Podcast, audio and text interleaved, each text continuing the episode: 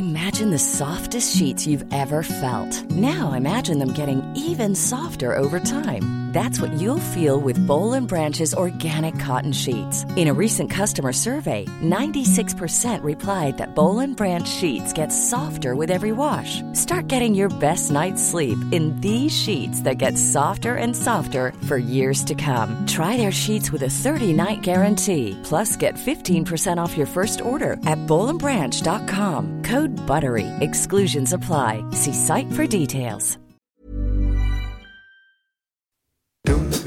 Go Ahead is echt de beste ploeg van de eredivisie. Gemarkeerd PSV strompelt simpel langs Fortuna. En Dessers lijkt expres tot minuut 92 te wachten.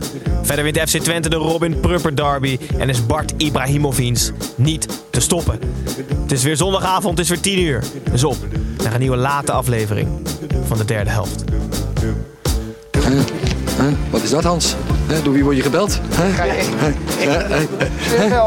De grootste schande uit, uit, het, uit het Nederlandse sport ooit. Ja, maar denk jij dat ik eh, Jan Pippo de Clown ben of zo? Vooral eh, de bek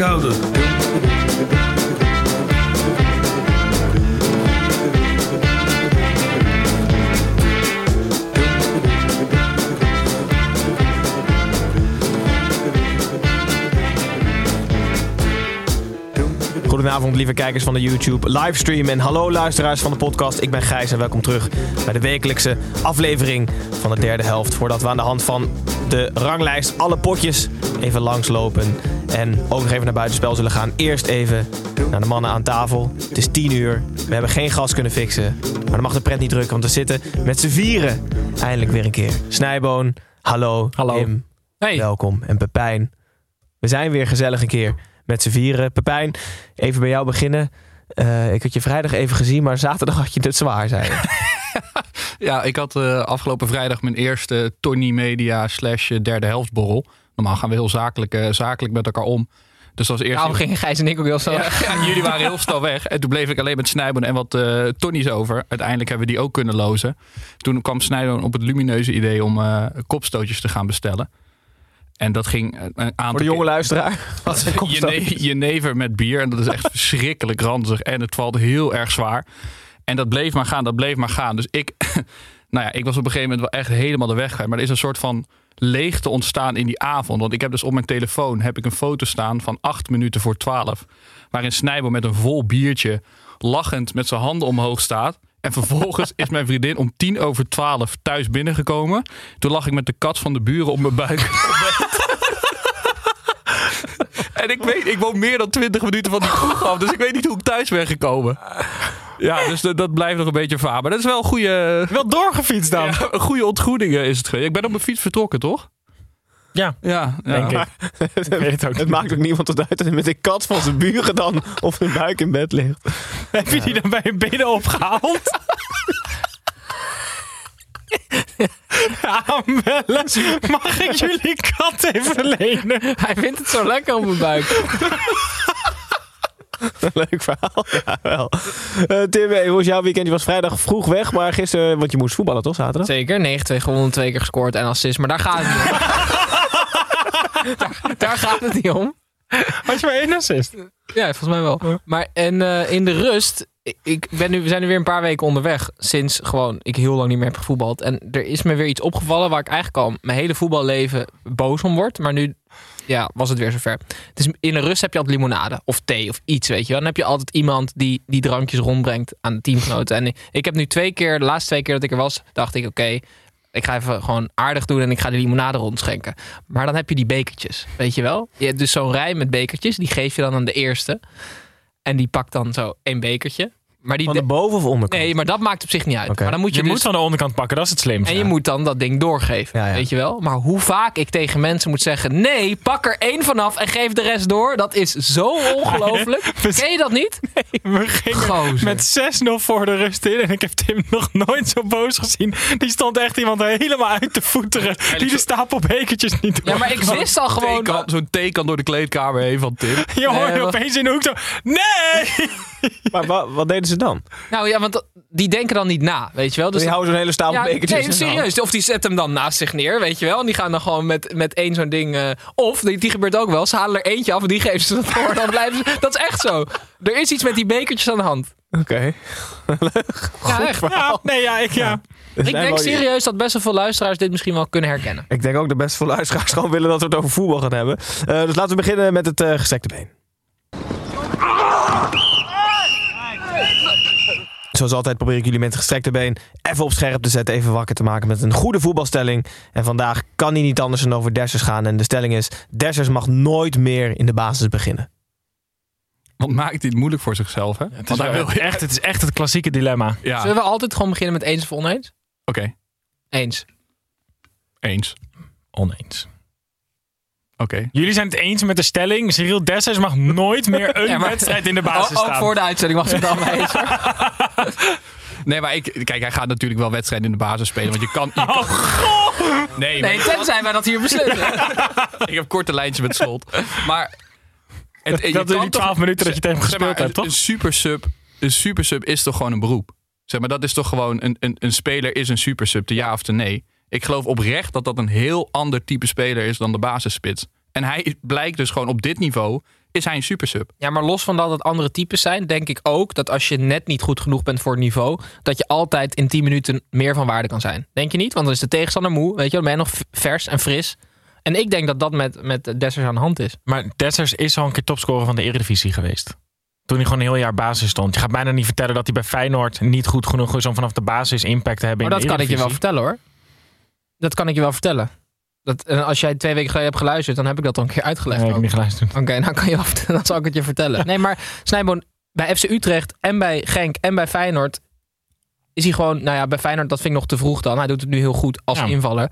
Maar heeft hij het in de basis eigenlijk nooit over een langere periode laten zien of de kans gekregen van een trainer? Maar ik vind het zo'n rare conclusie van mensen als iemand dan heel goed invalt. Dat mensen dan zeggen, oh, dan kan hij niet basis staan. Nee, maar hij heeft natuurlijk wel wedstrijden al langer gespeeld. En dat was niet top. Dus het is wel, zeg maar, wat hij nu heeft laten zien, is gewoon. Zijn invalbeurten zijn gewoon fantastisch goed. En, en, en zijn baasplekken niet. Maar bovenal, ik vind het echt zo verschrikkelijk leuk voor die jongen. Hij is, hij is echt, echt heel sympathiek.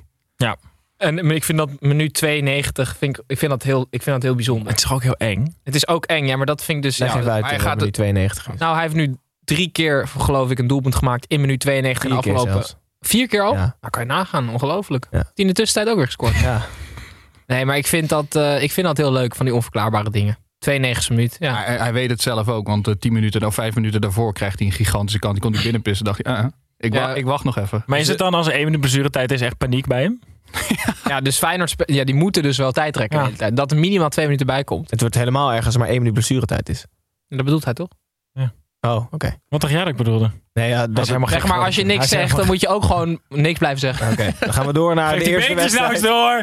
We gaan door naar de eerste wedstrijd. Ajax Go Ahead Eagles. Het was weer een acht uur wedstrijd. eh, waar we niet per se veel van verwachten. Maar met een minuut werd het leuker en spannender. Go Ahead had de bus namelijk professioneel file ingeparkeerd. Spelers wierpen hun ledematen voor alle ballen van Ajax. En de paal hield ook Mr. 1-0 van scoren. Ehm, na 90 minuten kwam Ajax dus weer niet tot scoren. Kreeg het ook weer niks tegen. Speelde dus weer 0-0. En had Roger Smit uiteindelijk toch zijn gelijk. Hij zei namelijk dat Go Ahead Eagles de beste ploeg was waar hij tegen gespeeld had in de Eredivisie. En ze houden gewoon Ajax in de arena op 0-0. Ehm, we zaten met z'n vieren die wedstrijd te kijken, Pepijn. En ik kreeg heel het gevoel dat als PSV of Feyenoord zo'n wedstrijd spelen... waarin ze niet tot scoren komen en wel tot kansen... maar ook niet tot 100.000 procent kansen... dat het altijd matig is van de kant van PSV Feyenoord. En nu zegt men, ja, Ajax heeft alles aan gedaan... maar kan er niet doorheen komen. Hoe, hoe zit dat? Ja, zegt men. Dat zeggen dus Kees Kwakman en Kenneth Perez. Hij noemt het gewoon meteen bij de naam. Ja, Maar ja, dat, is de enige, en dat is de enige men die wij eh, gehoord hebben over deze wedstrijd. Omdat we daarna moesten, moesten opnemen. Maar ik vind het echt ongelooflijk. Volgens mij zei Tim het tijdens eh, de analyse van Perez van... is hij op zoek naar een baantje bij Ajax? Want hoe kan je nou zeggen als je in de eigen arena met jouw selectie 0-0 speelt tegen Go Ahead... Dat je, dat je durft te zeggen van... ja, dit is ook gewoon ongelukkig en dat kan gebeuren. Want als een team zo goed verdedigt, dan eh, laat je punten liggen. En Maar ze hebben er ook Kwakman zei in de rust, die de letterlijke woorden... Ajax valt niet zoveel te verwijten. Tuurlijk valt Ajax wel wat te verwijten. Als je zo ongelooflijk weinig kansen creëert... Ook al, ook al waren die gasten allemaal dood neergevallen aan het eind... dat ze zo hard voor... Nou, dat gebeurde bijna. Dat ze er zo hard voor gevochten hadden... dan moet je gewoon in je eigen arena dit uit elkaar kunnen spelen. Want als... Het is ook nog eens gevaarlijk. Als nou andere clubs weten van oké, dit is de manier om Ajax te bespelen. Dan, dan is het niet meer leuk om elke week in, of elke twee weken in de arena te gaan zitten. Want dan wordt het echt alleen maar parkeerde bus. Wat mijn probleem een klein beetje is, en dat is misschien omdat het gewoon niet. Het zijn hele technische spelers en niet spelers die echt gaan rouwdouwen als het, als het lastig wordt. Maar het voelt gewoon een klein beetje alsof er wat urgentie mist bij Ajax als het niet loopt. Dus ik voelde in de tweede helft helemaal niet dat ze hem per se wilden maken. En dat is misschien ook wel gewoon het speltype en de manier waarop ze tegenstanders kapot willen spelen. Dat dat niet helemaal overeenkomt met mijn idee van ik wil per se een doelpunt maken. Maar ik zag in de tweede helft niet een Ajax wat koste wat kost die pot over de streep. Nee, ik zag ook een statistiekje dat ze, dat ze dus blijkbaar een wedstrijd waarin ze niet in de eerste helft hebben gescoord dit seizoen, hebben ze drie keer puntenverlies al. En nu de vierde keer puntenverlies geleden. Dus het is niet. Ze kunnen geen Feyenoordje in de 92 minuten een wedstrijd over de streep trekken. Dus dat is op zich wel, dat is op zich wel jammer, om, eh, jammer om te zien. Wel complimenten aan eh, Van Wonderen overigens. Want 1 minuut 40 niet geknipperd bedoel 1 je? minuut 40 niet geknipperd. Ik zat, ik zat vanochtend op het eh, YouTube-kanaal van Go Eagles. En toen eh, zag ik een eh, interview met eh, Kees van Wonderen... waarin hij... eh, ik ging bijhouden. Het interview begon met een knipper, dus na vijf seconden. En daarna tot 1 minuut 50, geloof ik, eh, niet geknipperd. En toen ging ik eens kijken in die reacties eronder. Er waren zes reacties. Wij hebben ongeveer net zoveel volgers als die Go Ahead Eagles op YouTube... wat al best wel leuk is. Maar er waren er drie die hadden te maken met... eh hey, hij heeft niet geknipperd. En dan mensen zeggen underrated comment en zo. Dat was hartstikke leuk, hoor. Maar zij hebben Het wordt gezien. het wordt, het wordt zeker gezien. Ik vind het heel zonde dat Ajax na zo'n geweldige prestatie zoiets verschrikkelijks laat zien. Maar ik snap het wel. Ik bedoel, ze hebben letterlijk de prestatie geleverd van de afgelopen drie, vier jaar. Dus je bent helemaal in je hoofd gewoon, je, je loopt ja, Maar ze zouden toch. naast de schoenen. Ik snap de tendens wel. Maar het, toch, het lijkt me zo verschrikkelijk moeilijk, man. toch heb ik ergens dan ook wel de behoefte om stiekem oh, ik wil een klein, heel klein figuurzaagje uit mijn tas te halen. En dan toch wel na Heracles en deze wedstrijd dan toch wel te gaan zeggen, ja, in twee wed- gaat er toch iets mis Aan daar? welke stoelpoot zou je dan beginnen?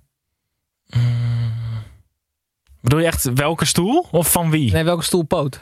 Oh, eh, nou, je moet altijd sowieso van je afzagen natuurlijk. Dat is sowieso Ja. een goede tip. Ja, ja. Ehm, Maar wil je dat ten Nee, achter, overvalt? nee, want je moet wel achter. Want anders ziet hij het wel best snel dat je bent Oh ja, begonnen met zagen. Dus het is een van de achterpoten. En je moet dan hoesten, want anders hoort hij ook zagen. Dus Ja. ja, want da- dan, dat vindt hij niet raar. Maar Als er een hoestende man achter hem zit. heel laag. Goed. Snijboon zei dat hij een soort van urgentie miste. Maar, Eh, maar dat, zagen aan, dat zagen aan die stoelpoot. Maar ja, dat, ik wilde laat- eigenlijk laat door zijn. naar het volgende onderwerp. Nee, maar, dat we hier nou, over- heel even, maar mag, je- mag je iets van eh, dit Ajax en ten Hag zeggen? Het is natuurlijk, wat is het nu? Utrecht, Twente, Heracles. eh wat hadden we? Ze laten wel veel makkelijke punten liggen. Ja, En dan kan je in de topwedstrijden echt heel goed spelen en fantastisch. Maar ja, op den duur ga je wel zoveel punten laten liggen dat je jezelf wel echt moeilijk gaat maken. Moeilijker dan nodig is met dit team. zo'n heel cliché krijg je dan kampioen word je tegen de kleintjes. Maar dit zijn wel, het zijn wel daadwerkelijk hele dure, hele dure punten geweest. Wij hebben PSV voorspeld als kampioen. Gijs, nu mag jij. Eh, ik, snapte, ik snapte wat Snijboon bedoelde, dat je de urgentie mist. Je mist een beetje de derde klasse onderbond. Gewoon lange ballen naar voren. Alle grote jongens in het centrum. En dan gewoon die bal proberen op een of andere manier binnen Ja, te krijgen. Laten we even dingen behandelen van buiten de wedstrijd zelf. Behalve de 0-0. Twee opvallende verschijningen. Onana terug op de reservebank. Opvallend. Wel terecht. Ja, we hebben het er vaak over gehad. ja. Laten we het erover hebben als hij speelt. Afscheid met Thijs de Licht. Ook Ja, na anderhalf jaar. maar dat is heel raar. Nou, ik, zei dat tegen jou. Stel, jij gaat weg bij je werk. En na anderhalf jaar moet je nog een keer terugkomen voor je afscheidsborrel. Dat slaat toch helemaal nergens op? Ja, Ik vond, het, ik vond het best wel koeltjes eruit zien. Zeg maar, het, het, handen schudden in die catacombe. Want hij had- Dat was volgens mij het moment dat hij die spelers voor het eerst zag. Ik denk van, nou, die Nee, hebben... gozer, die hebben het ziet op het Nederlands elftal ook wel vaak. Ja, maar niet allemaal. Haller zit daar niet bij. Nee. Nee? Ja, maar die kent Maar hij kent niet zo natuurlijk goed. niet, nee. maar er zaten er ook wel bij die die wel gewoon goed kent van vroeger. Maar volgens mij zat het be- best dicht op de wedstrijd dat moment. Dus is Ja, dat ook dat niet het moment waarop je even lekker iemand tegenkomt in de Dat catacombe? zou het kunnen zijn. Had je de woorden van Overmars gehoord? Die zei toch eh, dat, dat eigenlijk op aanraden van Matthijs de Ligt is eh Daily Blind gehaald eh, toen de tijd. En dat eh, de Ligt ook wel vaker spelers aandroeg eh, bij Overmars. En dat hij nu, nu weer iets, eh, een suggestie had gedaan die eh, er wellicht gaat komen. Dybala, denk ik. Waarschijnlijk was het ook met de knipoog naar eh Matthijs de Licht toe. Nog één ding over Ajax. Ehm, gaat met betrekking tot Nouri eh, is geschikt. Eh, dat betekent dat het niet tot een arbitragecommissie gaat komen. Eh, ze zijn het eens geworden over een bedrag of een schadevergoeding voor de familie Nouri. En laat het dus niet tot de uiteindelijke rechtbank komen. Op zich goed nieuws, denk ik. Het bedrag is niet bekendgemaakt, maar Nee, dat zijn twee hele vervelende. Het is fijn dat het, te worden. het, het wordt geen openbare bedoeling waarin nog meer modder gegooid wordt dan al werd gedaan in die paar keer dat het wel naar buiten kwam. En het bedrag is niet naar buiten ge- gebracht, waardoor je ook niet krijgt dat mensen op Twitter eh, gaan beoordelen wat een mensenleven waard is. Dus dat vind ik twee hele fijne dingen. Exact. Dan gaan we door naar de nummer 2. Op doel zal het nog maar. Dus PSV speelde uit bij Fortuna Sittard. Het is een beetje een terugkerend fenomeen, maar PSV trappen weer eens aan met een gemarkeerde opstelling. Omdat Fortuna een beetje gemarkeerd voetbalde, hadden de Eindhovenaren geen kind aan de mannen van Ulte. Tweemaal invaller Bruma, één keer invaller Doan, één keer uitblinker Sangaré en eigen doelpunt van Ramaljo. Zorgde uiteindelijk voor een dik verdiende 1-4 overwinning in Sittard van PSV. Tim, ik noemde net Sangaré als uitblinker. Wie, wie zijn er bij jou opgevallen nog meer? Nou ja, ik heb eh, een positief en een negatief verhaal. Eh, Je krijgt ze allebei, maar welke wil je eerst? Dat maakt me niet uit. Doe dan maar. de- Negatief eerst. Oké. Ja, Ja. Carlos Vinicius. Ik, ik, bij mij komt woede heel vaak voor dat onbegrip. En deze wedstrijd weer. Ik snap gewoon niet dat die man voor ooit voor 17 miljoen is gekocht. Ik ben op de, Door een club, niet door PSV. Hè? door Benfica. Ja. En ehm, hij heeft ooit in een seizoen heeft hij 18 doelpunten gemaakt. Toen is hij, het was hij topscorer van de Portugese competitie, als ik me niet vergis. Toen is hij het seizoen daarna verhuurd aan Tottenham. Nou, dat snap ik ook al niet. Weet je, ik wil dingen begrijpen en ik Ja, maar dat begrijp is het niet. Tottenham. Tottenham, Oh, dat, dat is is altijd raar, maar dat kan wel gewoon gebeuren. En ik word ook heel moe van dat hij nu dan een paar keer gescoord heeft en hij zelf begint erin te geloven en die commentatoren. Dus er was op een gegeven moment een voorzet op Carlos Vinicius en die zei, ah, op de man in vorm. En hij was weer zo verschrikkelijk slecht. Hij heeft twee assists gegeven en hij was de, by far de slechtste man van het veld. Van PSV. Ja. Zullen we dan snel door naar het positieve? Ja, Ja, ga. Ik hou heel erg van spelers die ehm, eigenlijk eh, in ere hersteld worden. Dus die eigenlijk afgeschreven zijn en dan toch weer eh, ergens boven komen drijven. En er waren er eigenlijk twee vandaag die, die in dit pulletje vallen. Dat is namelijk Ritsu Doan, vond ik supergoed. Ja. Ehm, die eigenlijk ook al ja, verhuurd aan Arminia Bielefeld. Weet je, nou, toch geen, geen toekomst meer bij PSV. En nu, eh, ook doordat er heel veel blessures zijn, veel kans krijgt. En ook best wel goed doet. Ehm, en, en Bruma, ja, die, dat blijft toch wel een, een bijzonder verhaal. Die is ooit door zijn beste vriend, waar hij mee woonde, is hij bestolen. Voor, voor, voor 3 miljoen. eh, die, hij had een, ehm, eh, hoe heet het ook alweer, Snijboon? Als je, als je iemands bankrekening... Wat ik ook bij jou... Skimmen. nee, dat, dat ik jou toestemming geef. Hoe heet het ook alweer? Machtiging. Ja, precies. Machtiging, hij had, ja. zijn vriend gemachtigd. Mhm. En daar kwam hij na een paar maanden achter dat die vriend voor 3 miljoen hem. eh, zijn zijn broer was overleden. Ehm, en dat was allemaal in- volgens mij in 2020. Echt een. Ja, dat was gewoon verschrikkelijk. En Maar hij- helpen, helpen jij, die jij randzaken checkt je dan. bankrekening niet zo vaak, toch? nee, nee, helpen, die, randzaken dan om het plaatje nog mooier te maken als hij ook nog Nou ja, als, hij komt Hij is wel ook gewoon super sympathiek. Mag ik even uit? Hij vroeg het aan mij. Hij, maar hij komt van nog verder. Dus dan vind ik het nog leuker. Oké. Wat ik altijd leuk vind is, je hebt twee types eh, spelers die verhuurd worden. Je, en drie types eigenlijk. Nee, twee. Je hebt spelers die jong zijn en die je verhuurt in de hoop dat ze daarna nog echt je basis zelf gaan halen. En je hebt spelers waar je het eigenlijk niet meer in ziet zitten en die je verhuurt omdat er geen plek is en je hoopt dat ze door, ze door ze te verhuren, dat ze nog een keer verkocht gaan worden. Doan en Bruma waren allebei spelers die verhuurd werden in de hoop dat ze nog wat op zouden brengen daarna. En nu zijn ze zich allebei aan het revancheren bij PSV. En dat zijn gewoon echt hele leuke verhalen altijd. Ja, dat vind ik ook heel leuk. Ja, het ligt er wel aan de blessuregevallen. Acht blessures. Tenminste, deze viel uit na een, na een kwartier. Eh, dat was de achtste blessuregeval bij PSV. Is dat pech? we hebben daar nog steeds, nog steeds oprecht nergens heb ik daar een verklaring voor gelezen. Nee, maar daarom. Het Ik, kan toch ook gewoon pech zijn? Het is echt. Ja, maar het is wel extreem hoor. Maar, Maar, het is- ja, ik- maar Schmid zei het na de wedstrijd ook. Weet je, als hij, niet, als hij wel roleert, is dat het probleem. En als hij niet roleert, dan, dan zijn er opeens te veel spelers geblesseerd. Soms heb je ook gewoon pech. Ja, dat, dat misschien wel. Maar ik vind het wel opvallend dat hij er een heel raar roulatiesysteem, een heel raar systeem met dat in het rood lopen en die loopt er- erop nahoudt. En dat, dat, dat die blessuregevallen juist bij hem eh, plaatsvinden. Ja, maar die blessuregevallen in een ander jaar zijn die bij een andere club. Thomas wel- Verhaar, Thomas Verhaar heeft hij ooit een keer verteld dat bij, volgens mij was het bij Excelsior, toch dat die metertjes een, een jaar lang verkeerd afgesteld stonden. Ja. Dat zou een verklaring kunnen zijn. Ja. Maar anders weet ik het ook niet. Mogen we het ook nog heel even over Sangaré hebben? Die was goed, hè? Ja, ik vind hem Over revancheren gesproken. nee, misschien wel de beste middenvelder van de Eredivisie. Hij heeft alle kwaliteiten die we in Nederland niet waarderen. Ja. Maar ik vind hem Wij ook vinden een, mensen als Joey Veerman en, en Marco van Ginkel vinden we in Nederland allemaal fantastisch. Want dat kennen we allemaal en dat Ja. snappen we. En zo zijn we zelf opgeleid als voetballers. Wel goed dat je dat toevoegt. Zo zijn we zelf. Dat is nou niet echt zo het geval. Zo, wat bedoelt hij? Ik snap het ook Maar Sangaré heeft een hele andere manier van voetballen. En daar, daar moeten we in Nederland gewoon een klein beetje aan wennen. En hij moet een beetje wennen aan het Nederlandse voetbal. Maar nu Ik zie vind- je week ja. in, week uit dat hij niet alleen zonder bal, maar ook met bal echt, echt heel goed is. Ja, maar hij moet niet te veel met bal willen doen. Nee. Dat, dat is de, want hij is natuurlijk wel beter zonder bal. Vind ik. zeker. Ik heel indrukwekkend. Die passen die hij neemt. En als hij dan zo tegen. Hij kan echt het middenveld oversteken. Ja, en het leukste vind ik als beetje hij... dat, hij kan niet zo goed voetballen, maar zo'n beetje die Touré-achtige motoriek eh, zie Ja. ik erin terug. En dat vind ik, eh, dat vind ik echt prachtig. En vooral lachen en zwaaien als je doelpunt maakt. Dat is toch heerlijk. Ja. Ja, goed juichen. Eh, goed, het- ze wonnen natuurlijk makkelijk met 4-1. Staan gewoon gelijk, inderdaad, op punten met Ajax. Eh, volgens mij waren ze door alles en iedereen afgeschreven, maar dat is het leuk aan de En competitie. Ulte had nierstenen. Ja, goed, ik het toevoegen. Ja, zeer belangrijk. Hij is van je, Soms heb je We hebben het nog niet over Fortuna gehad, dus ik dacht we beginnen over een soort nierstenen Ulte. rare tourette heb jij. PSV won makkelijk en Ulte had nierstenen. Je Dus daar laten we erbij. geroepen. Ik zat vanochtend op het YouTube kanaal van Go Ahead Eagles. Zei ook helemaal uit het niets. Dan gaan we door naar de volgende wedstrijd. En niet zomaar een de Toto-wedstrijd van de week. Wedstrijd van de week, van de week, wedstrijd van de week. Deze week Feyenoord tegen AZ, de Toto-wedstrijd van de week. Zoals altijd laten wij heel even onze voorspellingen achter op onze social kanalen voor de Toto-wedstrijd van de week. Je kan namelijk via Toto eh, meespelen en ook via onze kanalen meespelen. Je maakt kans op 25 euro. Speelt te goed. Eh, Pepijn had een eentje ingevuld. Ja, dat is goed. Eh, maar je had 3-1 eerste doelpunt maken Sinisterra.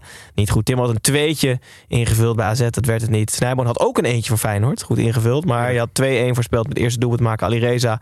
Ik had een drietje ingevuld. Ook niet goed. Volgens mij hebben we maar één echte winnaar. Eh, Bert Walstra. Drie. eh, op Twitter. Dus gefeliciteerd. Ik moet nog heel veel nakijken of er niets op Instagram ook binnen is gekomen. Dus Bert, reken je niet ruik. Ge koop nog geen nieuwe bank. Geef het nog niet uit. Maar wel klasse gedaan. Het werd namelijk 1-0 voor Feyenoord door het al eerder besproken Cyril Dessers. Het was een wedstrijd tussen twee clubs met ongelooflijk veel dwarsverbanden. Feyenoord was de eerste helft sterker. Maar AZ-doelman Windaal hield de Rotterdammers van scoren af. De twee keer dat dat niet gebeurde, dus dat hij niet eh, kon ingrijpen, werden de goals altijd niet di- discutabel afgekeurd. Ook AZ kreeg met name de tweede helft kansen, maar Bijlo blonk ook uit. Zo leek het op een 0-0 af te stevenen, waar het niet dat er wederom meer dan één minuut extra tijd bijgetrokken werd. En Dessers zo dus weer in minuut 92 kon scoren. Ongelooflijk. Voor vierde keer. Zijn vierde doelpunt in minuut 92. 1-0. Pepijn, eh, jij als ex-spits, eh, even los van Dessers. We zagen de reactie van de assistenttrainer van AZ, Marino Pusic. Heb je ooit zo hard gejuicht bij een doelpunt? ik denk, ik heb ook niet zo heel veel gemaakt. Dus dat scheelt. Zei jij ex-assistent? Nee, nee, nee. Ja, als ex-spits. Ik als ex-spits. Nee, maar ook- Nee, assistent. Toch? Zei ik dat? Goed, hij is nog wel assistent. Misschien is hij inmiddels ontslagen wegens te hard juichen. Kan ook. Nee, we zijn van AZ. Ja, hij is ex-assistent van AZ, nu Ja, van. Ja, oké. Ik- Ja, dat bedoel ik. Ja, want dat is, Dankjewel. nou ja, wat er dus gebeurde, dat die assistenttrainer van Feyenoord, die na dat doelpunt van Dessers, dus ik snap dat de ontlading groot is, maar die springt iedereen in de armen werkelijk waar. En vervolgens ziet hij die vierde man staan. En hij springt gewoon op de nek van die vierde man om te juichen. Kan dit? Of is het leuk of niet? Nou, die, die die wist niet wat hem overkwam. Je zag gewoon de totale onmogelijkheid van die, van die vierde man om een houding te geven. Want wat de fuck doe je? Die, die, die heeft Ja, maar nooit, had ge- me- die heeft nee, nog maar- nooit gejuicht. Je wordt er ook niet voorbereid als jij Nee, denk je ik. hebt nog nooit- En wat denk doe je als? Heb je als scheidsrechter ooit zeg maar, zo meegesprongen met een, met een groep feestende voetballers of trainers? Nee, maar het lijkt me zo vet als je als reflex hem ook zegt zo omhels zo. Dat had me zo vet Ja, Nee, dat die vierde man zich omdraait, middelvingers naar de bank van AZ. Feyenoord shirt onder zijn dingen uittrekt. Maar, goed, wat ik wel grappig vond, dat bij eh, spelers is het natuurlijk heel vaak dat je, als je tegen je oude club speelt, is een beetje beladen. En dan vind ik het altijd zo dat ze dan niet juichen. En dan denk je altijd, van, is dat respectvol? Is dat juist een beetje kneuzig? Maar ik vond wel, zeg maar, Slot, daar ben ik natuurlijk fan van. Die deed het wel mooi. Die deed twee gebalde vuisten, extra zet. Maar dan is er een assistent trainer die dat totaal Ja, ja, ja. geen enkele emotie meer bij dat, eh, dat AZ heeft. Maar dat is toch gewoon letterlijk gewoon Balkanbloed. En toch? Die, kan, die, die zichzelf niet in de hand heeft. En gewoon, Ja, maar hij is natuurlijk ook op een pijnlijke manier weggaan bij AZ. nee, maar daarom. Dus gewoon ook een soort van revanche. revanche. En ik, ik snap het op zich wel. Ja. Hoe was, hoe, was de, hoe was de wedstrijd? Hoe hebben jullie naar de wedstrijd gekeken? Nou ja, ik- ik- ging redelijk gelijk op. Ja, redelijk gelijk op. Wat ik wel echt, wat ik echt, ik had Sinisterra als eerste doelpuntenmaker eh, ingevuld, dus ik vond het jammer dat hij niet maakte. Maar ik ben best wel onder de indruk van zijn, van zijn doelgerichtheid en zo. Want hij, hij komt een beetje over als een pingelaar. En vaak hebben die pingelaars dat je zoiets denkt van, ga nou eens één keer iets effectiefs doen. En hij maakte niet heel veel per se Sinisterra, maar ik vind het wel echt heel erg vet. Want ik was voornamelijk links, ook spits, maar voornamelijk links buiten. En ik was niet zo super technisch of zo. Dus ik vond dat wel mooi als je dan linksbuitens hebt die gewoon voor de effectiviteit gaan. En dat vind ik wel echt dat, eh dat Sinisterra dat doet. Dus die, speel, die vond ik ook gewoon... eh, Hij kan ook heel goed koppen. Dat vind ik ook heel interessant. Want daardoor wordt elke voorzet van de andere kant wordt gewoon gevaarlijk. Omdat je dus een spits hebt en een buitenspeler die aansluit die hem ook kunnen maken. Ja, als je kijkt naar, daar moeten ze eigenlijk nog wel meer, eh, meer gebruik van gaan maken. Want als je dat Ajax zag met Ziyech en Promes, dat, daar, daar zijn denk ik eh, 15 doelpunten of zo uitgevallen. Van gewoon zo'n bal die je erin slingert. Als Ja. een, want dat is ook, als zo'n buitenspeler echt daadwerkelijk gretig is voor die goal, is die er altijd bij bij een voorzet. Dan heb je gewoon altijd een mannetje extra in de 16, eh, in de 16 erbij. Maar Sinistera heeft zich niet ontwikkeld sinds hij er is op het gebied van snelheid of dribbelen. Maar hij heeft puur mentaal. Dus hij, hij is veel rustiger voor de goal. Dat zag je op een gegeven moment ook in de eerste helft. Dat hij ehm, naar binnen kwam en hij kreeg twee of drie kansen om te schieten. En hij, hij stelde het eigenlijk steeds uit totdat, hij, totdat hij in één keer ruimte had, schoot hij hem op de paal. Maar dat vind ik dus heel vet om te zien. Dat je Ja. gewoon, je ziet hem gewoon volwassen worden. Maar dat is een dat beetje, nog- hij, hij heeft natuurlijk, hij had wat je ook nu voor bij de verschrikkelijke invalbeurt van Darami bij Ajax zag. Dat, dat een beetje onbehouden, je hebt veel meer ruimte eigenlijk nodig. Je bent gewend om één tegen één te spelen eh, in lagere competities zonder dat hele goede rugdekking wordt gegeven. En hij ontwikkelt zich gewoon tot een hele moderne buitenspeler die geschikt is voor het Europese voetbal. Maar ik, zou, ik wil het eigenlijk niet weer noemen, maar mogen we hier slot, mogen we hier eigenlijk wel voor roemen? Want ik vind ja, maar dit was ik vind wel al langer gaande, toch? Ja, maar ik vind dit wel. Ja, misschien. Maar ik vind dit wel namelijk echt iets trainbaars. Gewoon van de, de, de slimmigheden. Kijk, zeg maar, techniek en. Ja, maar dat is niet van slot, jongen. Toch? Ja, bij, bij, ik heb bij Sinisterra het gevoel dat er wel wat langer speelt. Maar je ziet wel bij Feyenoord, dat geef ik je wel. Je ziet wel echt veel spelers zich. Die zie je zich echt ontwikkelen. Die zie je beter worden. En dat, is, dat was vorig jaar bij Feyenoord niet echt het geval. Ik zei net dat het redelijk gelijk op ging. Het moet me eigenlijk, eh, ik zag te vertwijfeld kijken. Feyenoord was het eigenlijk veel beter de Ik eerste vond helft. Feyenoord, ja, zeker de eerste helft echt, echt een stuk beter. En de tweede helft kreeg AZ wel wat mogelijkheden. Maar ik vond het zelf wel terecht dat Feyenoord deze wedstrijd Ja, won. eens. Ja. Qua verliespunten gewoon bovenaan. En minste verliespunten. Dus eh, als ze die inhaal, inhaalpot pakken, dan staan ze gewoon, eh, staan ze gewoon één. En dat is wel nou, een hele diepe buiging waard. Nee, een tatoeage is dat waard. We hadden het voor de uitzending erover. Laten we dit niet op. eh, We gaan- Jawel, ja, dit, op nee, jawel, jawel. Als Feyenoord kampioen wordt, Pepijn. Ga jij een derde helft tatoeage? Ja, dan tatoeëer je ergens op je lichaam het logo van de derde helft. Dat heb je Gewoon gezegd. dat slijt vanzelf. Ja, of, Oh, doe ik dat wel. Ehm, even eh, naar de situatie op het veld. Het is niet leuk om te benoemen, maar dit was een van de wedstrijden dit weekend waar er dingen op het veld werden gegooid. Eh, dit keer volle blikjes. Het begon een paar weken geleden met, met, met, met lege of soms halfvolle biertjes in plastic. Bekertjes. Het werd nu een vol Red Bull blikje. Wijnal, eh Wijnaldum Wijndal gooide hem terug eh, het publiek in. En kreeg te horen dat zijn moeder een nieuw beroep had. Ja, wat moeten we hiervan vinden? hoe weet je dat dat een nieuw beroep is? Nou, dat heeft hij gezegd. Oh, Ja, zijn moeder naar. Dus administratieve medewerkster. Nee, maar Gijs, mensen zijn helemaal gek geworden. Echt helemaal gek. Ik was dit En dan weekend... gooit iemand ook nog je volle blikje terug. Super vriendelijk. Weet je zeggen. zo'n Red Bull in zo'n stadion? Ten eerste. Maar nee, ik was dit weekend naar Museumnacht in Amsterdam. En ik lees de dag daarna in het parool dat er op verschillende plekken gewoon bijna vechtpartijen zijn uitgebroken ge- gebroken tussen mensen in de rij. Dus mensen staan in de rij voor een museum en gaan vechten. Was dat niet zo van, oh, ik ben fan van de aardappeleters. Nee, ik ben fan van de... Nee, niemand is fan van. Nee, nee, maar, het is, ik, je ziet gewoon... Ja, we hebben het de vorige week hebben het, eh, hebben het er best wel lang over gehad. En het voelt gewoon een beetje na me weer bij stil te gaan staan. Want het maakt me en heel erg boos. En ik vind het heel erg afdoen aan, het, aan de schoonheid van het voetbalspel. Het, het, het gebeurt, dus we kunnen het niet onbenoemd laten. Maar ik word er wel gewoon fysiek misselijk van. Het was ook niet de enige dat, was wedstrijd. je, dat was je kater, Pepper.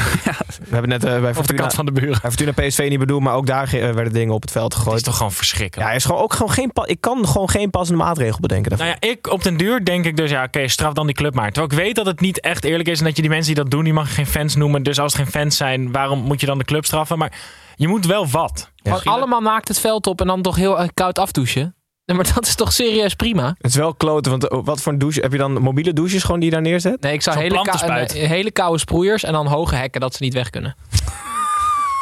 We hebben de Echt als ratten in de val, hè, als dat Tim ligt. En dan ook dat middenveld is ook wel helemaal doorweekt. Dan Dat is ook niet echt handig. Ik zat te denken aan dat je, Gewoon- dan. als die, als die supporters zich echt misdragen, dan moet er gewoon een speler van, die, van, de, van de club uit waar, waarvan de supporters dat doen. Ga je maar met z'n verder. spelen, ja. Of die moet dat dan opruimen. Opruimen. En dan mag je pas terug het veld in. Ja, oh. dan- Oh, net zoals dat je de bal over het hek schiet, dat je hem dan eerst uit de sloot moet halen Ja. en daarna pas weer mee mag doen. Een van de spelers moet dan alles opruimen. Ja. Gewoon met heet vuurwerk en zo. Ehm, het gewoon nergens nooit meer niks meer van benoemen. En nooit meer over hebben. Nooit meer in beeld laten komen bij wedstrijden. Gewoon helemaal doodzwijgen. Ja, maar dat deden ze ook bij streakers. Vinden we ook niet leuk.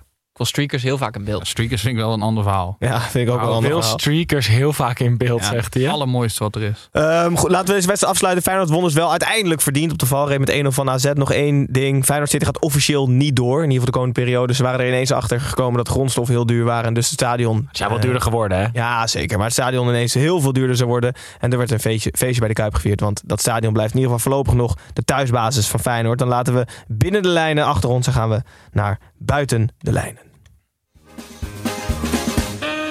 Edwin, Kevin hier, buitenspel. Ik hoor je nu voor half, Oké, Edwin. Edwin, buitenspel.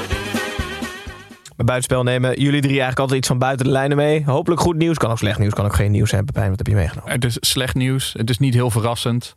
Het is eh, de PR-machine van de meest niet perfecte schoonzoon... Waar die, waarvan iedereen altijd denkt dat het wel de perfecte schoonzoon is... kan weer op volle toeren gaan draaien. Want eh, Dirk Kuyt is begin dit jaar samen met Wesley Snijder... verhoord in een eh, strafrechtelijk onderzoek... naar een illegale gokwebsite, Edo-web van...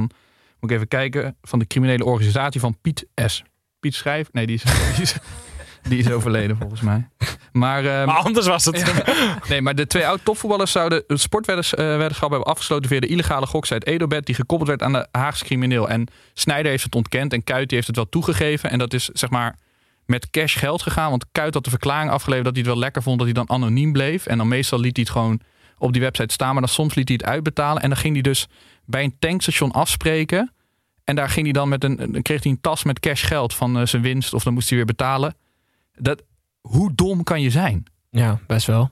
Het is toch echt. Ja, oké, dan zijn we daarover uit. Nee, ik, ik kan er echt met mijn verstand niet bij. Zo'n gozer die heeft miljoenen en miljoenen. Wat, wat ga je het risico lopen dat je. Hij weet toch dat het illegaal. Of zou hij het niet weten? Dat kan. Nou ja, als ik zijn analyses hoor bij de Champions League, dan verbaast me dit ook niet. Nee, maar het kan, toch, het kan toch serieus zijn dat hij dat niet weet? Dat het Tuurlijk- illegaal is? Tuurlijk weet Dat je bij een tankstation met, eh, met sporttassen met geld af moet rekenen? Dat is op zich. Dan is het een vrij onhandig bed, eh, wedstation wel. Of wet, eh, wetkantoor. Het is onhandig, maar dit, Nee, hij, wist dat, hij wist dat dit niet mocht. Maar zijn verklaring was dus van ik blijf graag anoniem. Anders zie je mijn naam op de website. En, eh, dit maar en heeft die. Snijder erbij genaaid? En dat vind ik wel interessant. Ja, die- nee, volgens mij werd Snijder een week eerder verhoord. Maar die had gezegd dat hij alleen garant had gestaan voor de lening van iemand anders. maar hij kende wel verder- iemand. eh, Ja, met blonde krullen en een plastic gezicht. Nee, ja, nee, toen nog niet waarschijnlijk. Toen dacht Oh, ja. ik uit en denk shit, ze gaan me Daarom vinden. heeft hij dat Ik- gedaan. Ja, ik ga mijn gezicht verbouwen. Oh. Ja, maar goed, dus... eh, Je nou moet ja, ook gewoon lekker via Toto doen, toch? Ja, kan, ook- kan ook met cashporttassen, toch? Of niet? Ja, ik denk het wel. Ja, vast. Hier zijn ze vast blij mee. Ja. Nee, dat kan niet met cashporttassen. Nee, maar, Nee, eh, natuurlijk niet. Nee.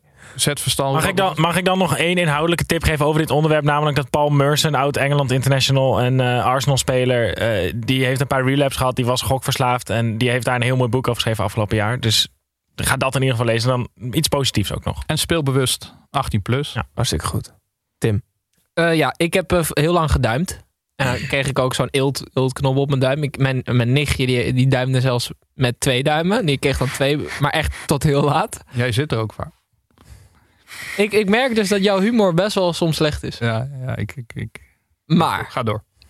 dit, maar er zijn dus ook voetballers die dat doen, Gijs. En het gaat zelfs nog verder. Want uh, Romeric Japi, eh, also known as Vlugge Japi van Vitesse... die zat in de spelersbus. eh, niet met een duim in zijn mond, maar met een speen. Een babyspeen.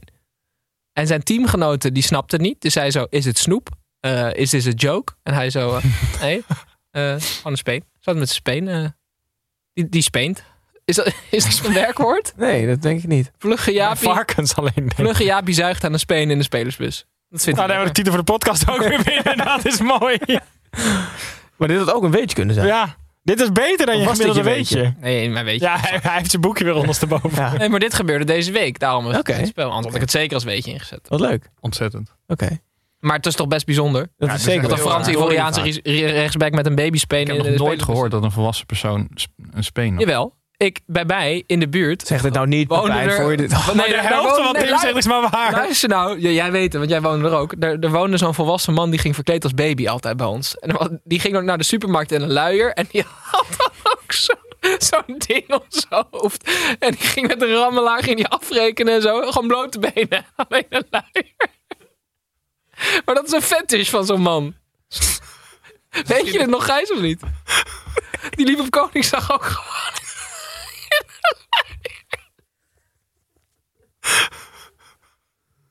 Oh man.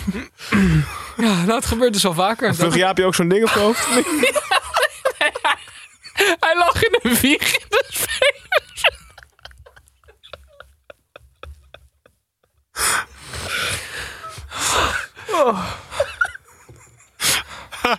Ja, Gijs, jij moet aan elkaar praten vandaag. ja. Snijboon. Ja, nou ja, kijk, ehm, ik had hetzelfde bij het spelletje als Pepijn. Maar dat betekent wel dat ik oh, als extra bij het spelletje eh, gewoon altijd even mag vertellen hoe goed het gaat met Arsenal tegenwoordig. Eh, afgelopen tien wedstrijden ongeslagen. We staan inmiddels weer vijfde in de Premier League. Dus volgens mij worden we wereldkampioen. Ehm, nou, daar wil ik het bij houden eigenlijk. Hartstikke goed. Dan Ja. gaan we van, als, je, als de brand weer terug naar binnen de lijn.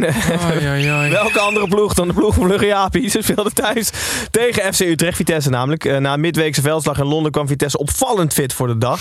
Het zette Utrecht onder zoveel druk dat Willem Jansen een assist aan Vitesse gaf. Na 102 minuten voetbal, zonder verlenging voor de duidelijkheid. Twee heerlijke toevalstreffers. Eentje aan beide kanten. En een keeper die zichzelf bijna knock-out sloeg. Stond er 2-1 op het scorebord. 2-1 voor Vitesse. Ontzettend knap. En iets wat te- teleurstellend. Sterker nog, gewoon echt teleurstellend van Utrecht. Eh Snijboon, Vitesse spits, baas. Dat gaat hij nou weer zeggen. Oh, oh, oh. Tim laat een foto zien van de beste man met een speen in zijn mond. Zo'n Snijboon, hoed op. Snijboon Bade Frederiksen, spits van Vitesse, maakte de eerste goal op aangeven van Utrecht eh, aanvoerder Jansen. Ja, nou ja, ten eerste, Willem Jansen, die, dat, dat kan echt niet meer. Ja, bijna. maar hij had gewoon geen goede dag. Van. Nee, hij had geen goede dag, maar op zo'n dag ziet het er ook echt uit alsof hij met zijn anker uitloopt. Want het is echt niet te doen hoe traag hij dan is. Maar waar ik me meer aan ergerde, en Tim en ik hadden het hier ook over. Hoe lang moet je bij een club spelen voordat je het logo mag kussen? Je had natuurlijk die aanwinst van Burnley, die het Umbro-logo kuste op, eh, op de foto's in plaats van het clublogo. Maar nu ook weer zo'n spits. En je ziet ook soms, dat vind ik nog het allerergste, huurlingen die het clublogo kussen. Dat mag echt niet. Ik vind dat gewoon een ge- ik vind dat erger dan shirt uittrekken. Daar moeten we dus regels voor verzinnen. Ja. Gele kaart. Toch? Ja, Gewoon naar die spelen toe. Hoe lang speel je hier? Drie maanden. Geel. maar na twee jaar Ja, mag het toch pas? Ja, of dat precies. je, of dat... ehm, Nee, echt vijf jaar trouwens. Nee, of dan twee ik, jaar? ik, weet, ik weet het goed gemaakt. Eh, hoe kort, dus je krijgt elke keer als je dat doet, krijg je een vraag van de, de scheidsrechter heeft dan allemaal vragen, verschillende moeilijkheidsgraden, Ja, dit, weet je dit wel. klinkt er goed. ja, ja, ja, ga verder. Ja. Ja. dit is het eerste stuk van de brainstorm. Ja, en als je dus eh, eh, binnen het jaar bijvoorbeeld op je borst slaat, Uh-huh. Ja, ja. krijg je een hele moeilijke Ja, vraag. En als je die ja. niet goed krijgt, dan word je geschorst. Is dat dan met de scheids dan de hele tijd zo'n doos triviant onder zijn arm als hij Ja. over het veld rent? Eh, ik denk dat het ook digitaal kan. Het zit vol met goede ideeën, Tim, vandaag. Maar Snijboon even naar positieve dingen. Twee Ja. schitterende toevalstreffers vandaag, hè? Zeker. Bazoer. Ja. Hij geeft, het, hij geeft het gelukkig toe, maar hij kijkt zo erg naar links dat hij bijna een hernia heeft. En vervolgens schiet hij hem rechtdoor over de keeper heen. Ja. Wat was die tweede ook alweer? Die tweede was eh, van FC Utrecht. Eh, Schubert was niet heel blij dat hij Oh, de oh, die arme, arme Schubert. Kijk, ik, keepers die een fout maken, heb ik altijd een beetje medelijden mee. Want er is geen plek op het veld waar je persoonlijke falen zo erg wordt gehighlight als keeper. Schubert, die, die, die pakt, wil een, een hoge bal pakken en echt, echt, echt hete kroketten. Die laat hem gewoon achter zich vallen. En die ging echt helemaal Dobby en Harry Potter gewoon in de zelfkastijding. Die sloeg met zijn hoofd tegen de paal aan. Vervolgens liep hij door en sloeg hij zichzelf letterlijk twee keer met allebei zijn vuisten tegen zijn gezicht aan. Omdat de, de fout zo groot was. Ja, mijn hart breekt dan wel echt een beetje. Uiteindelijk kostte het gelukkig geen punten. Ze wonnen met 2-1. Mooiste moment van de wedstrijd misschien nog wel de vierde minuut. Eh staat altijd centraal tussen deze twee ploegen. Eh, Theo Bos speelde al onder nummer 4 bij Vitesse en nummer 4 David Tomasso bij Utrecht. Eh, allebei zijn ze er niet meer. En eh, de vierde minuut wordt altijd even gebruikt om de handen op elkaar eh, te plaatsen. Is dat al lang zo? Volgens mij is het wel een aantal jaar zo dat Oh. de wedstrijd tussen deze twee ploegen zo Mooi. is. Dus eh, mooi Positief- moment. Positief supportersnieuws. Zeker, dat kunnen we ook wel eens gebruiken. Zeker als we doorgaan naar FC Twente tegen Heracles. Het vuurwerk voorafgaand aan de Robin Prupper derby was namelijk opgetro- nauwelijks opgetrokken. Of een centrale verdediger van Twente. Dit keer niet Prupper trouwens, maar Mees Hilgers zette Twente op 1-0. Heracles was de eerste helft vrijwel kansloos. De tweede helft iets minder kansloos, maar kon niet scoren. Zo kleurt Twente en omstreken. Voor nu althans rood. Snijboon, ik zat nog even na te denken over deze wedstrijd. Het is toch heel erg raar dat twee zulke rivaliserende clubs een jeugdopleiding delen. Hoe zit dat? Nou, tot vorig jaar dacht ik, was het zo dat Twente het leeuwendeel van het budget ophoest en Heracles meedeed. Dus had Twente altijd de eerste optie op de spelers en, en mochten ze anders naar Heracles. Maar sinds ehm, vorig seizoen betalen ze allebei de helft van het budget. Wat betekent dat ze allebei net zoveel recht hebben op de spelers. En dus mag een speler aan het eind van zijn opleiding gewoon met allebei de clubs in gesprek om te kijken waar hij zijn loopbaan wil vervolgen. De laatste tijd zijn het vooral hebben eigenlijk bijna alle spelers voor Twente gekozen. Maar dat is ook logisch, want ze zijn opgegroeid in een opleiding die ook heel erg Twente gekleurd was. En Heracles hoopt in de loop der jaren dan meer spelers voor zich te binden via die opleiding. Nou, bedoel Maar- je Twente gekleurd? Nou, omdat Twente de, eh, eh, eerst dus een heel groot deel van het budget in, eh, Ah, ja. ophoestte, was de opleiding ook veel meer door Twente, werd die vormgegeven. Dus die spelers voelden zich veel meer jeugdspeler van Twente. En ik denk ook wel de, de noodzaak nu bij Twente dat ze ook gewoon heel veel uit de jeugd moeten putten. Door het gebrek aan. aan Ja, maar ja. Herakles wil natuurlijk ook het liefst wel die jeugdspelers hebben. Maar wat ik vooral raar vind, en, en ik ga dan altijd een beetje nadenken hoe dat dan in voetmanager zou werken. Maar het is al best wel moeilijk om jeugdspelers uit te binden. Laat staan dat je in die fase al concurrentie hebt van een ander team.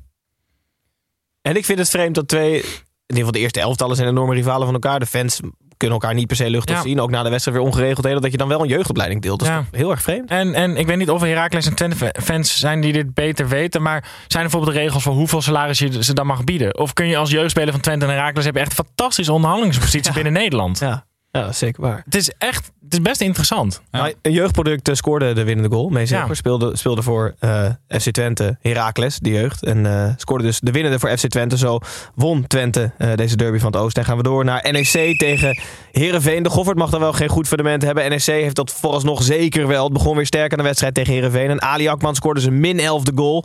Daarna werd Herenveen iets minder matig. Sloopte Halilovic ook nog bijna de lat van het stadion. Ehm, maar eh, maakte uiteindelijk Herenveen wel de gelijkmaker. En hield een punt over aan deze wedstrijd. 1-1. Eh, eentje uit de laatste. Eentje van de vier uit de laatste zeven duels. Heerenveen pakt maar vier punten uit de laatste zeven duels. Pepijn. NEC doet het veel beter. Wat is er zo goed in die ploeg? Ja, eh, Leg het maar uit. nou, ik was even, ik was even de, in, de, in de cijfers een, beetje, cijfers een beetje gedoken. Want als ik dan zo naar dat NEC zit te kijken, denk je, oh, een Schöne, Barretto, oude, oude, mannen, oude mannen op het veld. Dus ik ging even naar de gemiddelde leeftijden kijken. Of dat dan een heel, heel hoog gemiddeld leeftijd. Maar dat hadden, hadden ze helemaal niet. Gewoon ergens in de, in de, ergens in de middenmoot. Ze hebben dus eigenlijk alleen Schöne en Barretto. En daaronder gewoon heel veel jonge jongens. En ik denk dat dat gewoon, zeg maar, dat dat heel goed is voor de samenstelling van een team. Toen ging ik ook even bij andere teams Dat kijken. denk ik die- niet.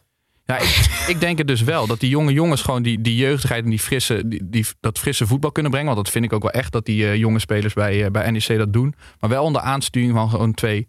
Nou, verdedigers mag je het wel noemen. Er zijn toch heel vaak onderzoeken geweest dat je gewoon een hele gebalanceerde selectie moet hebben in alle leeftijdscategorieën. Dus je Ja, kan maar wel twee is- bejaarden hebben, maar voor de rest alleen maar jonkies. Het gaat op een gegeven moment mis. Nou, maar bij, bij een ehm, eh, eh, FC Utrecht is het bijvoorbeeld ook zo dat je een, eh, een Willem Jans en Van der Marel hebt. En voor de rest eigenlijk ook gewoon een hele, een hele jonge selectie. Bij Feyenoord met Ah, van de Hoorn je ook. Gustafsson. Ja, maar dat is niet. Maar zeg maar, het is allemaal zeg maar, rond 25 max en, da- en daaronder. En dat is bij Feyenoord ook wel. Je hebt twee mannen van de, in de 30, dat is Linzen en Toornstra. En voor de rest gewoon best wel een redelijk jonge, jonge selectie. Dus ik denk, nou ja, het zal, niet, het zal niet altijd waar zijn. Maar ik denk wel dat gewoon dat de kracht van NEC misschien wel is van die jeugdige frisheid waarmee ze voor de dag komen. Maar dan wel onder aanvoering van twee, eh, ja, twee eh, zeer, ervaren, zeer ervaren voetballers. Maar ze doen het, eh, ja, ze doen het Ze staan gewoon zevende, hè?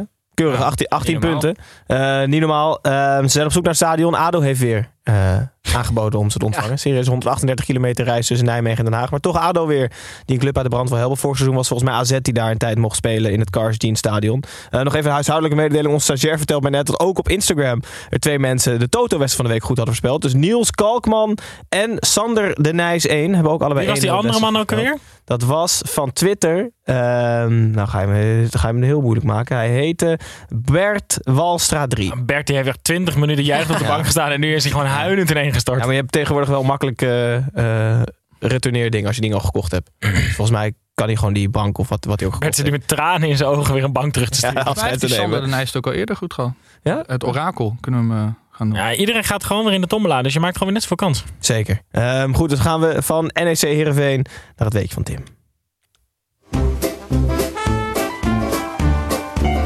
Of iemand dit nou weten wil. Dat me niet ontzettend veel. Want ik heb weer een weetje voor je mee.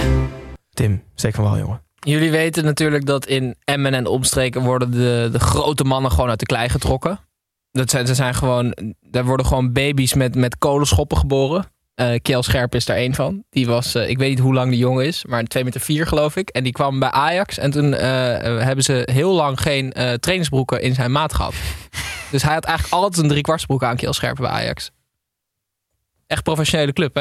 Dat is wel mooi. Ja, maar, maar die dus waren bij- er misschien gewoon niet van, van eh, Adidas. Hm? Die waren er misschien gewoon niet van Adidas. Nee, maar dat, dat regel je dan toch gewoon? Ja, Hoe lang is Kjell? Zo'n stukje Volgens mij eraan. 2 meter 4. Wat dat zeggen, hij is toch niet 2 meter 38? Nee, het is ook niet zo Nee, volgens mij toch? 2 meter Van 4, 2,4? dacht ik. Misschien heeft hij hele lange benen. Die gewoon... Ja, dat zijn heupen gewoon tot vlak onder Ja, zijn dat oksels zou wel kunnen, ja. Hij heeft 4 centimeter aan buik en hoofd en 2 meter benen. Hij heeft het ook altijd heel benauwd. Ja, dat zou kunnen. Wel. Maar ze hadden hem gewoon echt niet in zijn maat. Nee, Ik vond het over die spelen echt een leuke weetje Ja, hoor. ja, zoek het op. uit, Snijboon. Ja, we, we gaan het zeker uitzoeken. En Willem 2 tegen Sparta, daar beginnen we. Sparta won dit seizoen pas één keer en had toch niet de nul gehouden. Die bij de statistieken behoren inmiddels tot het verleden. Want het werd een heerlijke zaterdagavond voor de Spartanen tegen de steeds verder wegzakkende Willem 2. Eh, Bart Ibrahimovic kopte er twee binnen en liet Emega zo zien hoe het moest. Hij kopte namelijk zelf de 3-0 tegen de touwen. Tim, ik zag dat Fraser alle onderlinge competitiewedstrijden van Grim heeft gewonnen als coach. Er zijn er zeven. Mhm. Hij heeft ze alle zeven gewonnen. Zegt dat iets? Dat kan. Je kan er zelf een conclusie eh, uittrekken. Dat heb ik ook gedaan. Ehm Fraser speelt 4-2-3-1. Als, als enige is dat eigenlijk zijn voorkeurssysteem. Nou ja, oké. Een van de weinigen. Ja, speelt ook wel eens met vijf. Ja, wel eens, ja. Maar, eh, of Grim kan daar niet tegen. Maar wat wel zo is, is dat Fraser na Ron Jans... volgens mij de erva- meest ervaren trainers in de eredivisie... Erik ten Hag heeft natuurlijk ook veel ervaring... maar volgens mij heeft hij minder jaar in de eredivisie getraind. Fraser is wel gewoon een hele slimme trainer. Ja, dus ik- ik weet niet... Denk je dat hij met Louis van Gaal belt ook over de opstelling van Sparta? Nee, dat denk ik niet. mm, Nee. Nee. Ik zou het wel doen hoor, als ik hem was. Ja, Louis wil zich over, maar Louis wil zich overal mee bemoeien. Als je Louis belt, dan staat hij gewoon in zijn trainingspakje daar op dinsdag te trainen hoor. Nee, daar gaat Louis zich niet aan branden.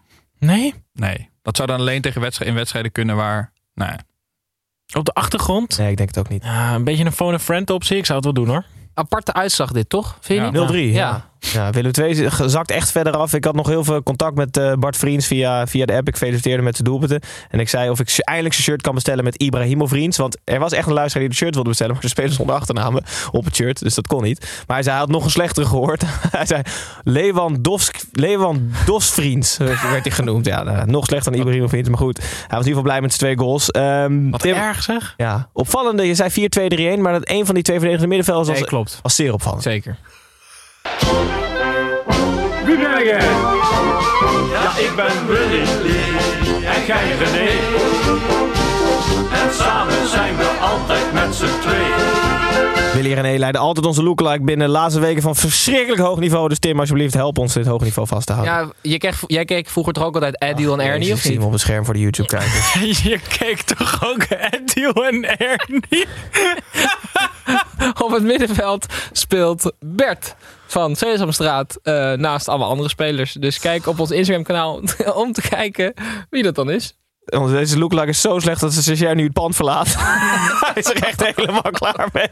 Maar goed, ja, maar ik, ik sta hier, ik sta garant voor deze. Als mensen dit niet snappen, dan, eh, dan zal ik het uitleggen. Maar dat ga ik niet nu doen. Nee, dan komt hij persoonlijk komt hij te woord staan. Of je dat wil, is ook maar een tweede. Maar goed, dan gaan we door naar PEC Zwolle tegen Cambuur Leeuwarden. Het ging de laatste weken wat beter met PEC. Maar Cambuur maakte hun 250ste Eredivisiewedstrijden. Maakte het een extra feestje. Twee Cambuur goals kwamen van twee uitblinkende middenvelders. Hoedemakers en Molin. PEC middenvelder Huiberts deed nog iets terug, maar het mocht niet baten. Het bleef 1-2. Zo won Cambuur voor de zesde keer in dit seizoen. En verloor PEC voor de tiende keer alweer. Snijboon, eh, het is wel genieten van Cambuur. Serieus. Laten we even PEC... bij- Of moeten we afscheid nemen van PEC nu? Ja, dat kan. Cambuur verdient volledig wat ze nu krijgen. En ik wilde dat net ook bij NEC zeggen. In de eredivisie is namelijk het heerlijke. Je kunt als promovendus gewoon voetballen. En dan blijf je er ook nog eens in. Omdat er altijd clubs in de Eredivisie spelen die niet kunnen voetballen. En dat is zo'n heerlijke realisatie die ze en in Nijmegen hebben gehad. En vooral in Leeuwarden hebben gehad. Je kunt gewoon het spel waarmee je hoog eindigt in de Super League. Kun je gewoon voortzetten in de, Keukenkampioen. Dan kun je gewoon voortzetten. En dan haal je het gewoon. Ja. M- Hoede, eh, hoedemakers en die eh, Moulin. Dat zijn gewoon echt twee middenvelders die bij clubs die wij allemaal veel hoger inschatten echt niet zouden misstaan. En ze durven het gewoon aan om met zulke spelers te gaan voetballen. Geen brekers erbij. Geen rare capriolen je altijd maar ingraven. Gewoon voetballen. Je gaat af en toe op je bek. Maar met goed voetbal behaal je de meeste punten. Dus Cambuur Cambuur- verdient dit volledig. Bij Cambuur wel iets meer verwacht dan bij NEC. Zeg maar, die, Ja. die waren ook wel met kop en schouders erbovenuit. Al twee jaar. Het is wel echt verschrikkelijk knap. En precies hierom verdient PEC ook precies wat het overkomt. Het overkomt plek 18 met vier punten na 12 wedstrijden. één keer gewonnen, één keer gelijk en dus tien keer verloren. Het gaat er erg moeilijk uitzien. Ja. Gat, naar, gat naar de veilige plek. Laten we zeggen dat FC Groningen staan 15e. Is inmiddels zeven punten al. Dat is, dat is best, wel, best wel behoorlijk. Ehm, een klein beetje. Begin alvast met zwaaien, toch? Snij? Of niet? Ja, ja, ze- ja, ik zie ze wel een beetje zo langzaam al zo Ook voorspeld, hè? richting de sticks lopen al. Ja. Ook voorspeld. Laatste plek voor PEC. Laatste plek voor PEC. Dan gaan we door naar FC Groningen tegen RKC Waalwijk. Laatste wedstrijd van het weekend. Eh, voor de Kraken thuis tegen FC Groningen. Of zo, voor, ik moet zeggen, voor de Kraken thuis tegen RKC nam FC Groningen gepast afscheid van Arjen Robben. Ehm, had Groningen Robben nog maar, want het heeft het ontzettend lastig. Staan 15e, zoals net benoemd. Zo had het ook weer lastig tegen RKC. Kramer zette de Waalwijkers namelijk op 0-1, waarna het tot minuut 85 duurde voordat Strand Larsen de stand gelijk trok. Het bleef bij 1-1, allebei een punt, gelijk aantal punten, 11 punten volgens mij na 12 wedstrijden. Tim, kan jij me uitleggen, waarom, waarom gaat het niet? Groningen was zo'n goede, gevaarlijke, moeilijk te bespelen ploeg afgelopen seizoen en het is, het is, het is klaar. Ik kan het je niet uitleggen, maar ik kan, wel, ik kan, kan je wel een antwoord geven. Kijk, het zou natuurlijk kunnen. Danny Buis is natuurlijk een hele specifieke trainer die eh, ik kan me niet voorstellen dat het echt een goede trainer is, maar heel erg op het mentale. Dus uh, super hard werken, mensen motiveren. Uh, het is ook geen toeval dat hij elke keer 18 strepsels moet nemen na een wedstrijd. Weet je, hij heeft zoveel nodig. Echt laxerend effect, hè? 18 strepsels. Ja, zeker. Hij lastig praten ook. Hij heeft ook die hele week nodig en dan, daarna komt hij weer de wc uit en dan gaat hij de spelers bezin. Maar um, nee, hij heeft gewoon super veel nodig om die, om die club um, ja, gewoon overeind te houden bijna, weet je wel. En als je daar drie, drie jaar zit twee, drie jaar zit, dan kan ik me voorstellen dat je dat trucje van die, van die schore jongen met die lelijke trui wel, wel door hebt. Maar de selectie is wel ook redelijk ververst. Je, dus ook een beetje zoals bij Ten Hag. Uh, de trainer kan wel een houdbaarheidsdatum hebben, maar als die selectie steeds nieuw is, dan geldt dat natuurlijk niet. Dus eigenlijk weet ik het niet. Het is wel. nee, maar als je kijkt, wat is hij kwijtgeraakt? Pat, Itakura Matusiwa. en Matusiwa. Dat is van je vier afspelers. En Robben. En Robben voor in de kleedkamer. Ja, weet ik nog niet eens. Ik denk dat die drie die op het veld elke week stonden, daar wel echt belangrijker voor waren. En daar heeft hij gewoon ook weer. En Goedmundsson. Loenquist. En ja, dus hij is echt wel wat kwijtgeraakt. En heeft hij, weet je, als je pad had en je krijgt Leeuwenburg terug, ja, dan ga je echt niet op vooruit. Ze hebben volgens mij echt niet goed vervangen wat er weg is gegaan daar. Um, het was trouwens dat Bernie Raymond alleen maar gele kaarten mee had. Want ja, het, het was echt ongelooflijk. We gebruiken het bijna nooit meer. Was het nu is hij echt wel op zijn plaats. Scheidsie! Moet u niet even gaan kijken? Wat een var! Bernie Raymond is trouwens Kevin Blom voor de, voor de, voor de niet-intimie van deze podcast. Ja, Kevin Blom is artiestennaam. Voor alle mensen die hier niet aan tafel ja. zitten eigenlijk. Ja. ja. maar jongens, nu moeten jullie me wel even helpen. Want um, volgens mij was het Iran dus, die werd getorpedeerd. Ja. ja. Door welke speler? Door Touba. Oh ja, door Touba, ja. Dit was echt een ongelooflijk... Zeg maar, hij kwam met gestrekt been op zijn scheenbeen. En je zag het been een beetje buigen. En je weet, dan, dan is het gewoon bijna einde verhaal, einde carrière, einde kruisband. In die volgorde. Als scheenbeen. Ja. En het is gewoon een gele kaart. En daar, de, de kous was daarmee af. En de VAR die grijpt ook niet in. Dit is echt een klassieke wat de VAR. Want wat de fuck, Bernie Raymond. Ja. ja. Maar vooral in, bij die, in die varwagen zitten ze dan dus... Oh ja, geel, ja, zo prima. Of zeggen ze dan, ja, maar dus uh, Bernie Raymond. Als je dit op straat doet, moet je gewoon twee jaar zitten, hè? Ja. ja. Maar misschien vinden of ze Kevin Blom komt naar je natuurlijk geen geel. Je Ja. mag gewoon doorgaan met boodschappen ja, misschien doen. vinden ze het niet een 100% fout omdat het Kevin Blom is. Nou, ja. Snap je? voor, voor, Hij was het prima. Voor Kevin's begrippen was Ja. prima Goed gefloten. dat hij ja. het heeft gezien dat er een Ja. botsing was. Ja, Prima dat, nee, dat er spelers zijn. precies. Allebei een punt, allebei 11 punten. Groningen en RKC. Allebei net eh, veilig. Eh, dat waren de negen wedstrijden van deze speelronde. En sluiten we nog heel even snel af met Vental. Hallo fans, wie gaat er zinnen? Wie is Tom? Best wel wat vragen ingestuurd gekregen. Ik ga er gewoon een uitkiezen die we allemaal niet kunnen beantwoorden. Bas Schutte en WB die wil weten of we nog een lens voor op Snapchat willen. Ik weet niet hoe dat werkt, dus ik vraag Een lens? Ja, nou ja, daar heb je het wel. Daar gaan we. Jongens, dat was het. Moet Eh, je niet dan op je telefoon doen. Nee, Ik wil een Kees van Wonderen lens op Snapchat. Dat gewoon nooit je ogen meer dicht gaan. Nee, dat je telefoon nooit meer Ja, uitgaat. dat Snapchat nooit meer afsluit. ja, oké. Ik zit niet op Snapchat, jullie? Nee, daarom vroeg ik het aan jullie. Nee. Ik Jij zit niet. sowieso op Snapchat, Pepijn. Zo, nee. Ja, met zo'n burner-account. ja, ja, ja, ja, ja, ja, ja. Goed, Bas. Eh, of Bas Schutte. Leuke vraag, maar we hebben. we Nee, nee, specificeer hem volgende week even. Nou, Dan als je weten we waar trouwens we een lens kan maken, Bas Schutte, dat zou leuk zijn, toch? Een derde helft lens. Ik weet niet Je weet niet waar je nu ja tegen zegt. Nee, dan krijgen we zo'n bitterbal op je camera geplakt. Of? Ja. dat is ook niet echt handig. Nee. Goed, dan laten we het hierbij. Alle negen Ik denk dat dat wedstrijden. het is, ja. Buitenspel, een weetje en wat fantalk. Uh, speelronde 12 zetten we weer over in de derde van de competitie. Ongelooflijk snel gaat het. Het zit erop. Eh, woensdag, Timmers Nijboon. Zijn jullie weer met Timmers Nijboon Zeker. voorspellen? Zeker, we gaan even kijken of eh, Barcelona er bovenop komt. Hartstikke goed. Er komt het zien woensdag op ons YouTube-kanaal. Eh, wij zijn er volgende week zondag, of althans jullie zijn er volgende week zondag bij het Interland Weekend weer. Eh, ik ben er niet, maar prima vervanger. Waar ben jij? Ik ben in Rome. Dus als je nog goede tips hebt, jij als geschied, eh, geschiedkundige, dat is toch met dat grote stadion, toch? Met de gladiatoren en zo? Jazeker. Ik weet niet of er gespeeld wordt volgende week. Nee, nee. nee. Wordt trouw, Italië en Zwitserland trouwens. Wel een kraken, de WK-kwalificatie. Is dat in het Colosseum? Ja, ja, ja, kon geen kaarten meer krijgen. Ehm, maar ik Zijn ben ook geen stoelen ik, ik ben er niet. Eh, maar Bram Krik is er volgende week als het goed is. Hè. Schrijf weer aan. Onze oranje-kenner, spreekkorenmaker. eh, zal hier aanschuiven. En dan doen jullie met z'n vieren gezellig een Interland podcast. Dan ben ik de week daarna weer terug. Waarschijnlijk weer om- weer om tien uur. Het zou ook niet anders. Maar goed. Nijboon, dankjewel dat ik in ieder geval zo laat nog wakker ben gebleven. Tim, hetzelfde geldt voor jou. Pepijn, goed je weer even te zien. Ik ben niet meer wakker, maar Goed, aan de kant van de buren. alweer op mijn. Ja, goed, aan de kant van de buren. Kijkers, dankjewel voor het kijken. En ook voor het kijken. Eh, luisteraars, dankjewel voor het luisteren. En dan tot over twee weken. En of tot volgende week. Dag.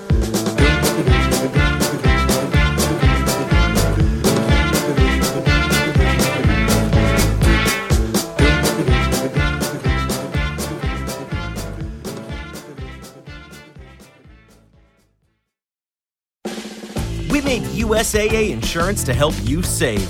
Take advantage of discounts when you cover your home and your ride. Discover how we're helping members save at USAA.com/bundle. Restrictions apply. Imagine the softest sheets you've ever felt. Now imagine them getting even softer over time. That's what you'll feel with Bowl and Branch's organic cotton sheets. In a recent customer survey, 96% replied that Bowl and Branch sheets get softer with every wash. Start getting your best night's sleep in these sheets that get softer and softer for years to come. Try their sheets with a 30-night guarantee. Plus, get 15% off your first order at bowlandbranch.com. Code BUTTERY. Exclusions apply. See site for details.